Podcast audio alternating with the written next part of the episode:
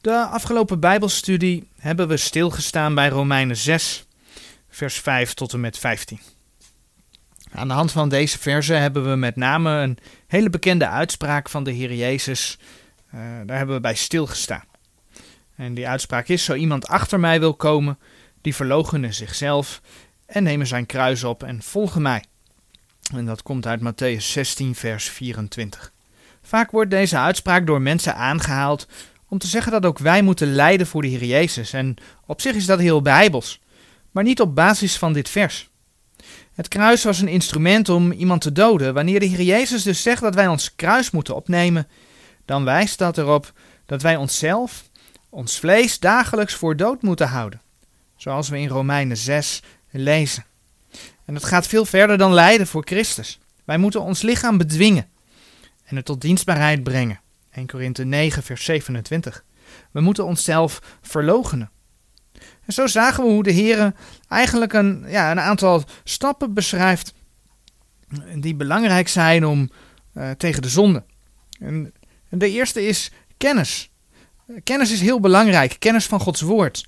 Het behoedt ons ervoor om misleid te worden. En daarnaast roept Gods woord ons op om onszelf dood te rekenen voor de zonde. Onze oude mens is immers met de Heer Jezus gekruisigd. Daarnaast vraagt de Heer om onszelf levend te rekenen voor God. Hij heeft ons immers levend gemaakt. En dan hebben we ook nog dat de Bijbel zegt, ons oproept om onze leden goden tot wapenen der gerechtigheid te stellen. En als we dat doen, mogen we bewust wandelen als kinderen van het licht. En dat staat dan onder andere in Galaat 5, vers 25. Nou, vanmorgen willen we verder gaan met Romeinen 6. En dan willen we allereerst een gedeelte lezen, Romeinen 6, vers 15 tot en met 23. Romeinen 6, vers 15 tot en met 23. Wat dan? Zullen wij zondigen omdat wij niet onder de wet zijn, maar onder de genade? Dat zij verre. Weet gij niet dat aan wie gij uzelf stelt tot dienstknechten ter gehoorzaamheid, gij dienstknechten zijt van hem die gij gehoorzaamt, of van de zonde tot de dood, of van de gehoorzaamheid tot de gerechtigheid? Maar Gode zij dank dat gij wel dienstknechten van de zonde waart, maar dat gij nu van harte gehoorzaam geworden zijt aan het voorbeeld der leer, waartoe gij overgegeven zijt. En vrijgemaakt zijnde van de zonde, zijt gemaakt dienstknechten van de gerechtigheid. Ik spreek op menselijke wijze, om de zwakheid van uw vlees. Want gelijk gij uw leden gesteld hebt om dienstbaar te zijn aan de onreinheid en aan de ongerechtigheid tot ongerechtigheid, alzo stelt nu uw leden om dienstbaar te zijn aan de gerechtigheid tot heiligmaking. Want toen gij dienstknechten waart van de zonde, zo waart gij vrij van de gerechtigheid. Wat vrucht dan had gij toen van de dingen waarover gij u niet schaamt? Want het einde daarvan is de dood. Maar nu, van de zonde vrijgemaakt zijnde en Gode dienstbaar gemaakt zijnde, hebt gij uw vrucht tot heiligmaking, en het einde het eeuwige leven. Want de bezoldiging van de zonde is de dood, maar de genadegift Gods is het eeuwige leven door Jezus Christus, onze Heere. Eigenlijk het hele gedeelte door zien we dat het gaat over dienstknechten. dienstknechten van de zonde, Romeinen 6 vers 16 bijvoorbeeld, en dienstknechten van de gerechtigheid, Romeinen 6 vers 18. Of eigenlijk dienstknechten van God, Romeinen 6 vers 23, uh, vers 22. In Romeinen 6 vers 17 dankt Paulus de Here. Vroeger waren de Romeinen dienstknechten van de zonde, maar nu zijn zij van harte gehoorzaam geworden aan het voorbeeld der leer. Als dienstknechten van de zonde zijn de ongelovigen overgeleverd aan de overste van de macht der lucht, waardoor zij de wil des vleeses doen. In Efeze 2, vers 1 tot en met 3 lezen we daarover. Efeze 2, vers 1. En u heeft hij mede levend gemaakt, daar gij dood waart door de misdaden en de zonde. in welke gij eertijds gewandeld hebt naar de eeuw deze wereld, naar de overste van de macht der lucht, van de geest die nu werkt in de kinderen der ongehoorzaamheid, onder welke ook wij alle eertijds verkeerd hebben in de begeerlijkheden van ons vlees, doende de wil des vleeses en der gedachten, en wij waren van nature kinderen des toerens, gelijk ook de anderen. Mensen zijn van nature dus overgeleverd aan de wil van het vlees. Doordat zij leven onder heerschappij van de God deze eeuw. Hij, de duivel, heeft hen namelijk verblind. 2 Korinthe 4, vers 4. Van nature is de duivel dan ook hun vader. Johannes 8, vers 44. En zo lezen we in Romeinen 8, Romeinen 8, vers 7 en 8, het volgende. Daarom dat het bedenken van het vlees vijandschap is tegen God, want het onderwerpt zich aan de wet Gods niet, want het kan ook niet. En die in het vlees zijn, kunnen goden niet behagen. Of de mensen dit nu willen of niet. Door de zondeval is dit de realiteit. En daardoor zijn de mensen dienstknechten der zonde. Vandaar dat we in Romeinen 6, vers 20 lezen. Want toen gij dienstknechten waart van de zonde, zo waart gij vrij van de gerechtigheid. Als ongelovige is de mens gebonden aan de zonde. En daarom is de ongelovige wel degelijk een dienstknecht, in de betekenis van slaaf van de zonde. De ongelovige heeft geen keus. Hij is vrij van gerechtigheid. En omdat de mens van nature een dienstknecht der zonde is, en overgeleverd is aan de overste van de macht der lucht, is de Heer Jezus gekomen en heeft zijn bloed voor ons vergoten aan het kruis van Golgotha. In 1 Timotheus 2, vers 5 en 6, daar lezen we 1 Timotheus 2, vers 5 en 6. Want er is één God. Er is ook één middelaar Gods en der mensen. De mens Christus Jezus. Die zichzelf gegeven heeft tot een losprijs voor allen, zijnde de getuigenis te zijner tijd. Of zoals 1 Korinthe 7 vers 23 zegt, gij zijt duur gekocht, wordt geen dienstknechten van mensen. Dit doet ook aan de slavernij denken. Een slaaf kon namelijk vrijgekocht worden. En een vrijgekochte slaaf was vrij en was geen slaaf meer. Daarom lezen we in 1 Korinthe 7 vers 22 het volgende. Want die in de Heere geroepen is, een dienstknecht zijnde, die is een vrijgelatene des Heren, evenzo ook die vrij zijnde geroepen is, die is een dienstknecht van Christus. De ongelovige is dus een dienstknecht van de zonde. Je zou dat in dit geval heel bijbels een slaaf kunnen noemen. Omdat de ongelovige gebonden is aan de zonde. Maar de gelovige, de gelovige is vrijgekocht door de Heer Jezus. De gelovige is een vrijgelatene des Heren.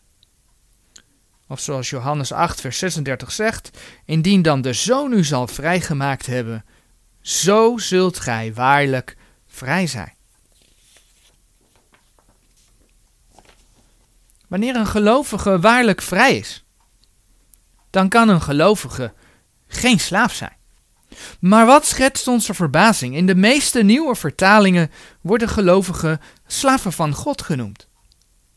In de Bijbel in gewone taal, de BGT, lezen we bijvoorbeeld in Romeinen 6, vers 18 het volgende: We zijn bevrijd uit de macht van de zonde. We zijn nu slaven van de God die ons wil redden. En dat zien we op meer plaatsen gebeuren. In Gods woord in Efeze 6, vers 6, daar staat het volgende: Niet naar ogendienst als mensenbehagers, maar als dienstknechten van Christus, doende de wil van God van harte. Dat was Efeze 6, vers 6. Maar in de NBV wordt ervan gemaakt, en niet met uiterlijk vertoon om bij de mensen in de gunst te komen, maar als slaven van Christus, die van harte alles doen wat God wil. En in de BGT lezen we, Efeze 6 vers 6, Wees niet schijnheilig en gehoorzaam je meester, niet alleen als hij je ziet, maar gedraag je als een slaaf van Christus en doe met heel je hart wat God van je vraagt. Maar ook de HSV gaat in ditzelfde straatje mee. De HSV zegt namelijk in Efeze 6, vers 6: Niet met ogendienst, als mensenbehagers, maar als slaven van Christus. Doe zo van harte de wil van God. Hier zien we dus hoe men ons slaven van Christus noemt. Als we beseffen dat de Heer zelf zegt dat we waarlijk vrij zijn, dan is dit wel een hele droevige verandering. En hoe spreekt het vers zichzelf in de nieuwe vertalingen tegen? Een slaaf is gevangen genomen en wordt gedwongen, vaak ook nog onder hele wrede omstandigheden, om arbeid te verrichten. Dat vinden we zelfs in een gewoon woordenboek. In Wolters handwoordenboek lezen we bij slaaf, en dan citeer ik, lijfeigene die geen persoonlijke rechten heeft, iemands wiens vrijheden sterk beknot zijn, die aan een vreemde overheerser is onderworpen, die een harde dienstbaarheid verkeert. Tot zover het citaat. Dus hoezo dan nog van harte de wil van God doen? Dat rijmt niet met elkaar. Terwijl we in de oude Statenvertaling en de King James 1611 lezen over dienstknechten van Christus. En dan is er geen enkel probleem. In Wolters handwoordenboek lezen we bij dienstknecht, bij dienstknecht namelijk, en ik citeer weer, ondergeschikte, trouwe dienaar van God en betrachter zijn er geboden. Tot zover het citaat. En bij het woord dienaar lezen we bijvoorbeeld, opnieuw een citaat, iemand die een ander dient tegen loon. De dienaren der kroon, ministers, iemand die een ander vrijwillig en nederig diensten en hulde bewijst. Tot zover citaat. Bij dienstknecht lezen we over trouw. En bij dienaar lezen we over vrijwillig en nederig diensten en hulde bewijzen. Maar dat is mooi. Daarin herkennen we wel degelijk het van harte de wil van God doen. Het probleem zit er natuurlijk in dat hetzelfde Griekse woord doulos, wat in deze teksten gebruikt wordt, soms ook gebruikt kan worden voor slaaf. Volgens de Griekse lexicons betekent het woord dan ook slaaf. Maar in het verleden hebben we gezien waar men die kennis vandaan haalt. Het is niet gebaseerd op schrift met schrift vergelijken, maar met name op wat de heidense Griekse filosofen over een woord zeiden. Wanneer u bijvoorbeeld uh, in de Little Scott Jones, de Greek English Lexicon, het woord doulos opzoekt, dan ziet u dat daar allemaal um, Griekse filosofen geraadpleegd wordt. En er is geen enkel Bijbelvers wat er dan geraadpleegd wordt. Om de betekenis van het woord te beschrijven. En als we dan bedenken dat deze lexicon eigenlijk de basis is voor alle moderne lexicons in de zogenaamde grondtalen, dan snappen we waarom we rare dingen gaan tegenkomen in bijvoorbeeld een NBV-studiebijbel. In een aantekening bij Filippenzen 2, vers 5 tot en met 11, naar aanleiding van het woord slaaf, wordt over de Heer Jezus gezegd in die NBV-studiebijbel bij dat gedeelte, en ik citeer: Hij deed afstand van zijn goddelijke status, werd mens en onderging het lot van een slaaf door te sterven aan het kruis. Tot zover het citaat. Op Filippenzen 2, vers 5 tot en met 11 komen we straks nog even terug. Maar waar het nu even om gaat, is het lot van een slaaf, het sterven aan een kruis. Als dat het lot van een slaaf was, dan zou het dus gebruikelijk zijn dat alle slaven aan een kruis zouden sterven. Daar staat gewoon klinkklare onzin in de studiebijbel van het NBG. Ik kan het niet laten om Spreuken 30 vers 6 aan te halen, wat we ook in uh, dit kader gewoon in vervulling zien gaan. In Spreuken 30 vers 6 daar staat, doe niet tot zijn woorden, opdat hij u niet bestraffen en gij leugenachtig bevonden wordt. Dat zegt Gods woord. Overigens is het vreemd dat de, de herziene statenvertaling, de HSV, hier in dezelfde lijn volgt. Nee. Aan de hand van de heidense lexicons dringt de schriftkritiek ook binnen bij mensen die de statenvertaling zeggen trouw te zijn. In de Bijbel met uitleg, wat op zichzelf de statenvertaling is, alleen dan met extra uitleg in de vorm van landkaarten, kaders en aantekeningen, worden in de kolom met uitleggende woorden bij Romeinen 6, vers 16 en 17 en 19 en 20 als verklaring voor dienstknechten en dienstbaar de woorden slaaf en slaaf gegeven. En ja, de HSV verwerkt dat dan gewoon in de Bijbeltekst. Maar ondanks dat zo'n Griekse lexicon doet vermoeden dat slaaf de beste, zo niet eigenlijk de enige echte betekenis zou moeten zijn van het Griekse woord doulos. Waardoor in de nieuwe vertalingen veel als staat dat gelovigen slaven van God en Christus zijn. Denkt de Heere daar in zijn woord klaarblijkelijk anders over. De Heere zegt niet voor niets dat mensen in de Heer Jezus waarlijk vrij zijn. Het is niet de eerste keer dat we bij het verschijnsel homoniemen in de taal stilstaan. Het feit dat een woord meerdere betekenissen kan hebben. Alleen door schrift met schrift vergelijken komen we daarachter. Dat het woord doulos niet altijd slaaf hoeft te betekenen, zien we bijvoorbeeld in 1 Timotheus 6, vers 1. In 1 Timotheus 6, vers 1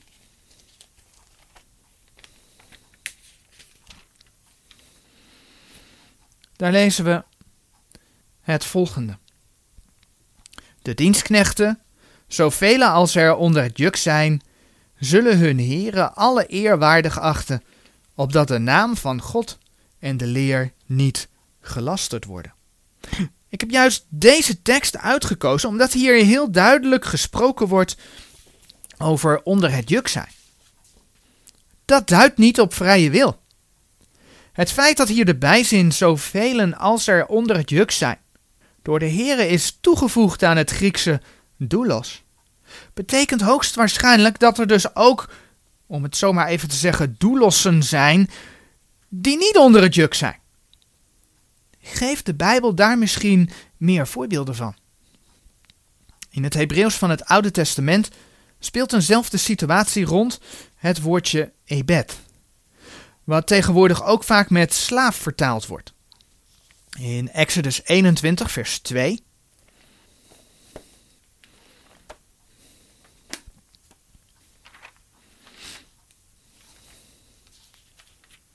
In Exodus 21, vers 2, daar lezen we: Als gij een Hebreeuwse knecht kopen zult, die zal zes jaren dienen, maar in het zevende zal hij voor vrij uitgaan om niet. En dat woordje knecht is dan het Hebreeuwse woordje ebed. In de nieuwe vertalingen, onder andere de NBG 51, de NBV en de BGT, wordt hier veelal het woordje knecht vervangen door slaaf. In de HSV staat bijvoorbeeld, in de herziene statenvertaling, wanneer u een Hebreeuwse slaaf koopt, moet hij zes jaar dienen, maar in het zevende mag hij zonder te betalen als vrij man vertrekken. Ondanks dat hier over kopen geschreven staat, blijkt het woordje slaaf hier toch niet juist te zijn. En dan gaan we kijken wat de Heer in Leviticus 25, vers uh, eh, 38 tot en met 40 over slaven zegt. Leviticus 25, vers 38. Ik ben de Heere uw God, die u uit Egypteland gevoerd heb, om u het land Canaan te geven, opdat ik u tot een God zij. Evenzo wanneer uw broeder bij u verarmd zal zijn en zich aan u verkocht zal hebben, gij zult hem niet doen dienen, de dienst van een slaaf. Als een dagloner, als een bijwoner zal hij bij u zijn. Tot het jubeljaar zal hij bij u dienen. De Heere zegt dus zelf dat een Hebreeër geen slaaf zal zijn. En nu vertalen de heren theologen het woordje ebed toch met slaaf. In Exodus 21, vers 2. Onvoorstelbaar en ontrouw aan Gods woord. Dat het woordje ebed niet alleen slaaf betekent, blijkt ook uit een andere tekst uit het Oude Testament. In 1 Koningen 9, vers 22 1 Koningen 9, vers 22. Daar lezen we. Doch van de kinderen Israëls maakte Salomo geen slaaf, het woordje ebed. Maar zij waren krijgslieden en zijn knechten en zijn vorsten en zijn hoofdlieden en de overste van zijn wagens en van zijn ruiters. We zien hier dat in het eerste deel van de zin geen slaaf staat. In het tweede deel, waar over knechten gesproken wordt, waar ook het Hebreeuwse woordje ebed staat, wordt dus beschreven wat de kinderen Israëls wel werden. En toch datzelfde Hebreeuwse woord. Aangezien zij dat dus niet werden, moet ditzelfde woord hier een andere betekenis hebben. En daar is het dus gewoon knecht. En daar hebben we dus het verschil tussen slaaf en dienstknecht, notabene in één vers geïllustreerd. Een voorbeeld uit het Nieuwe Testament laat zien dat ditzelfde geldt voor het Griekse woord doulos. In Lucas 15, vers 11 tot en met 32 lezen we over de gelijkenis van de verloren zoon. In Lucas 11.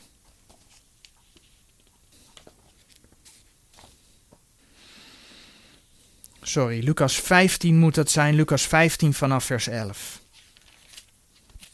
Lucas 15 vanaf vers 11 lezen we over de verloren zoon. In die gelijkenis wordt gesproken over de huurlingen van de vader van de zoon. In Lucas 15, vers 19 lezen we dat de verloren zoon zich voorneemt om tegen zijn vader te zeggen: En ik ben niet meer waardig uw zoon genaamd te worden. Maak mij als een van uw huurlingen. Hier wordt duidelijk gesproken over ingehuurde uh, knechten of dienaren. En hoe worden die huurlingen in Lucas 15, vers 22 genoemd? Maar de vader zeide tot zijn dienstknechten, het Griekse doulos, brengt hiervoor het beste kleed en doet het hem aan en geeft een ring aan zijn hand en schoenen aan de voeten. Hier zijn de dienstknechten, doulos, dus wel degelijk huurlingen. Mensen die voor loon werken. Met andere woorden, schrift met schrift vergelijken laat zien dat slaven wel altijd dienstknechten zijn, die weliswaar onder het juk staan. Maar dienstknechten zijn niet altijd slaven. We hebben te maken met een woord dat heel gewoon meerdere betekenissen kan hebben. En we hebben opnieuw een bewijs om bij de oude statenvertaling te blijven. Want we zijn geen slaven van Christus, maar wel vrijgelatenen des Heren. En hoe ver de schriftkritiek gaat, zien we als we kijken naar de tekst uh, die al eerder in deze studie genoemd is, namelijk Filippenzen 2, vers 5 tot en met 11. En dan met name vers 7. In Filippenzen 2, vers 7 lezen we over de Heer Jezus. Maar heeft zichzelf vernietigd, de gestaltenis van een dienstknecht, hè, het Griekse doulos weer, aangenomen hebbende en is de mensen gelijk geworden. De Heer Jezus werd in het Oude Testament al aangekondigd als de knecht des Heren, die voor de zonde van de mensen zou lijden. Kijk maar in Jesaja 52, vanaf vers 13 tot en met Jesaja 53, vers 12. Maar was deze knecht ook een slaaf? Volgens de nieuwe vertalingen veelal wel. Zij maken hier veelal van dat de Heer Jezus een slaaf geworden is. Nog niet de NBG 51 in dit geval, maar onder andere wel de NBV en de BGT zien we dat doen. En ook de HSV gaat hierin mee. En de HSV heeft in dit vers staan, maar zichzelf ontledigd heeft door de gestalte van een slaaf aan te nemen en aan de mensen gelijk te worden. Maar dit druist tegen alles in wat de Heer Jezus voor ons gedaan heeft. Ja, hij is gelijk geworden aan ons mensen, om voor ons te kunnen sterven. Maar dat deed hij geheel vrijwillig en niet als een slaaf. Als we naar Johannes 10 gaan.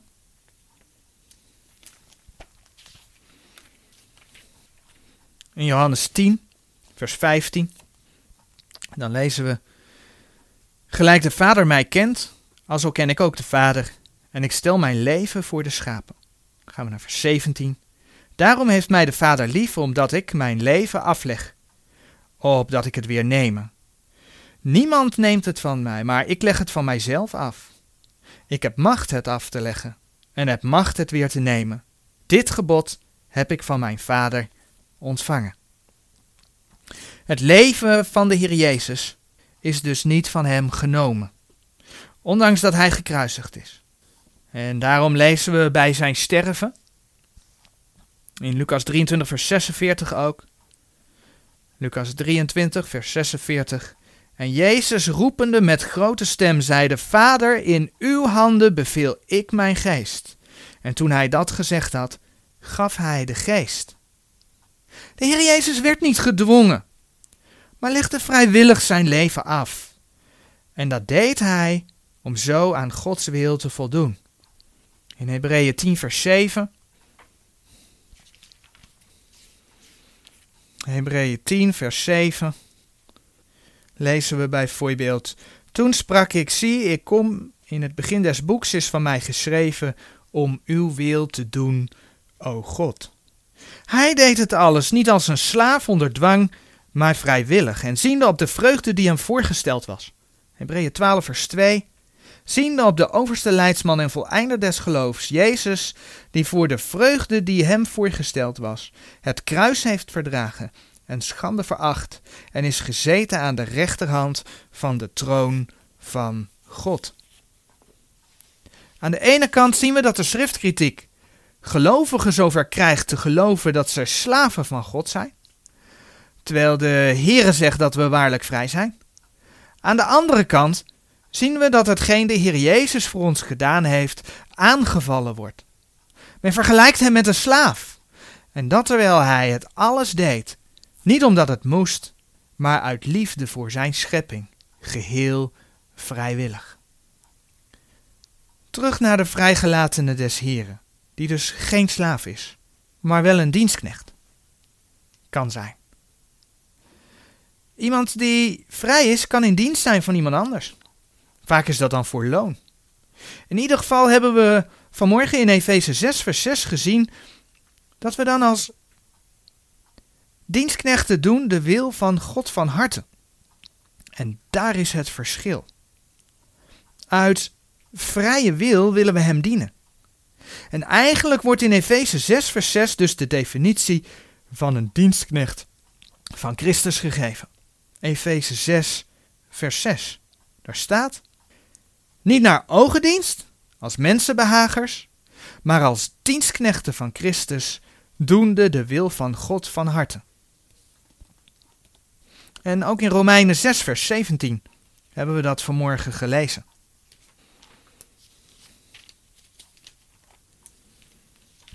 Romeinen 6, vers 17. Maar Gode zij dank dat gij wel dienstknechten van de zonde waart, maar dat gij nu van harte gehoorzaam geworden zijt aan het voorbeeld der leer, waartoe gij overgegeven zijt.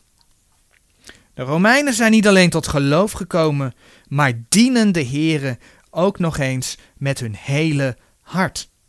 En daarvoor dankt Paulus de Here. En dat is natuurlijk een boodschap voor ons. Dat ook wij de Here met ons hele hart mogen dienen. Even verdergaand op het feit dat we als gelovigen dus wel dienstknechten kunnen zijn. Wij zijn weliswaar gekocht door de Heer Jezus, maar we zijn wel vrij. Zoals we hebben gezien is de ongelovige gebonden aan de zonde. Hij kan de Heer niet behagen. Maar de gelovige is in zijn of haar leven vrij om een keus te maken in het dienen van de Heer. In Gelaten 5, het gedeelte dat gaat over de werken van het vlees en de vruchten van de geest, daar lezen we in vers 16. Gelaten 5, vers 16. En ik zeg, wandel door de geest en volbrengt de begeerlijkheid van het vlees niet.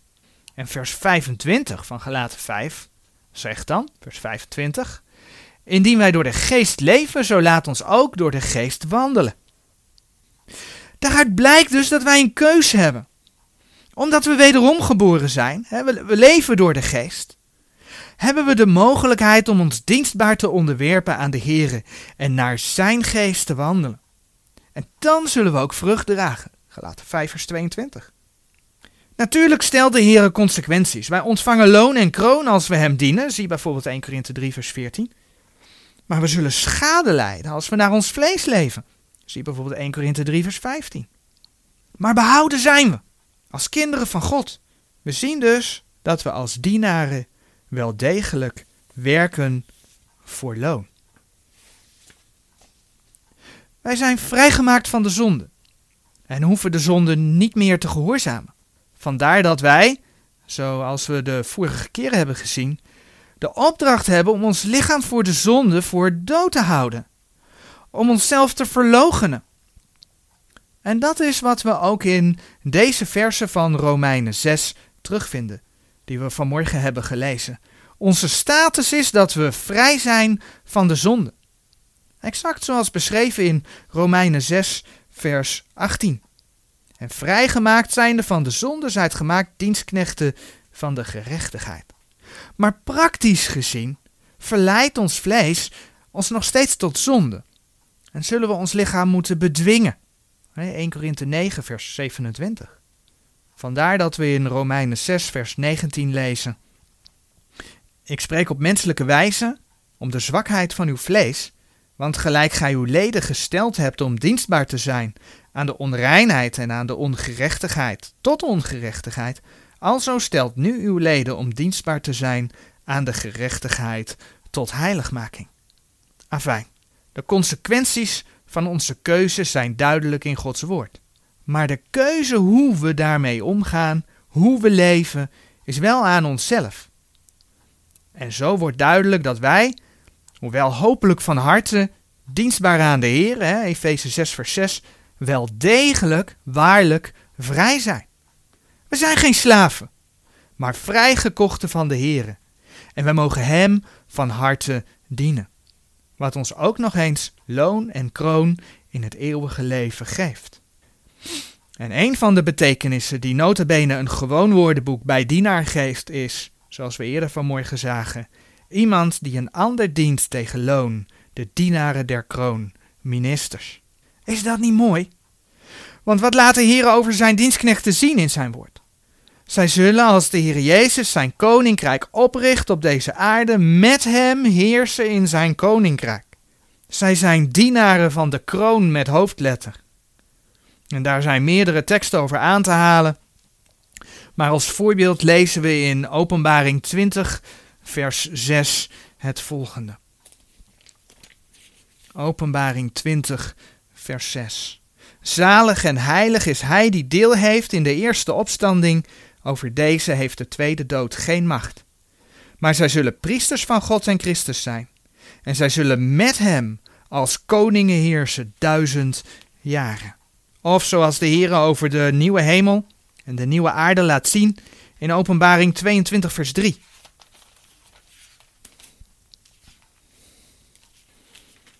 Openbaring 22, vers 3.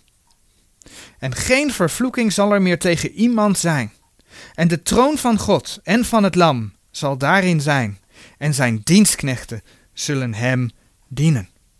Dienstknechten? Het, het woordje doelos weer. De Heere God die niet wilde dat zijn volk in het Oude Testament als slaaf zou dienen. Leviticus 25 vers 39. Zal hij in de nieuwe hemel en op de nieuwe aarde gediend worden door slaven? Openbaring 22 vers 3. Is de Heer Jezus zijn verlossingswerk begonnen om mensen vrij te kopen? Om in de eeuwigheid alsnog mensen hun vrijheid af te nemen en ze tot gehoorzaamheid te dwingen? Een arme Israëliet mocht geen slaaf zijn maar moest als dagloner behandeld worden. Leviticus 25, vers 40. Kijk eens wat we lezen in Openbaring 11, vers 18. Openbaring 11, vers 18. En de volken waren toornig geworden. En uw toren is gekomen in de tijd der doden om geoordeeld te worden. En om het loon te geven aan uw dienstknechten en de profeten. En de heiligen en hun die uw naam vrezen. De kleine en de grote en om te verderven degene die de aarde verdierven. Ook daar komt dat Griekse woordje doulos weer in voor. Het gaat hier niet om de gemeente, maar om mensen uit de grote verdrukking. Profeten en heiligen, die godsdienstknechten genoemd worden. Zijn zij slaven? Nee. Mensen die hun loon uitbetaald zullen krijgen, omdat ze uit vrije wil de Here trouw en dienstbaar zijn geweest. Onder hele moeilijke omstandigheden als we het over de grote verdrukking hebben. We zien hoeveel onwaarheid schuil gaat in de uitdrukking slaven van God of slaven van Christus. Laat u niet wijsmaken dat wij slaven van Christus zijn, want wij mogen weten vrijgelatenen des Heren te zijn. En van daaruit mogen wij onze Heren van harte gehoorzaam zijn. Tot zover. Laten we danken. Ja, dank u wel, Vader in de hemel, dat we zo tot u mogen komen en dat we u mogen danken. Danken voor uw woord, dat uw woord zo duidelijk is. En heren, dat we vrijgekochten zijn van u. Dat u ons vrijgekocht hebt en dat we geen slaven meer zijn. En dank u wel dat u ons helpt om in ons leven te leven tot eer van uw naam. U in vrijheid te mogen dienen. Dank u wel daarvoor, Heer, om Jezus wil. Amen.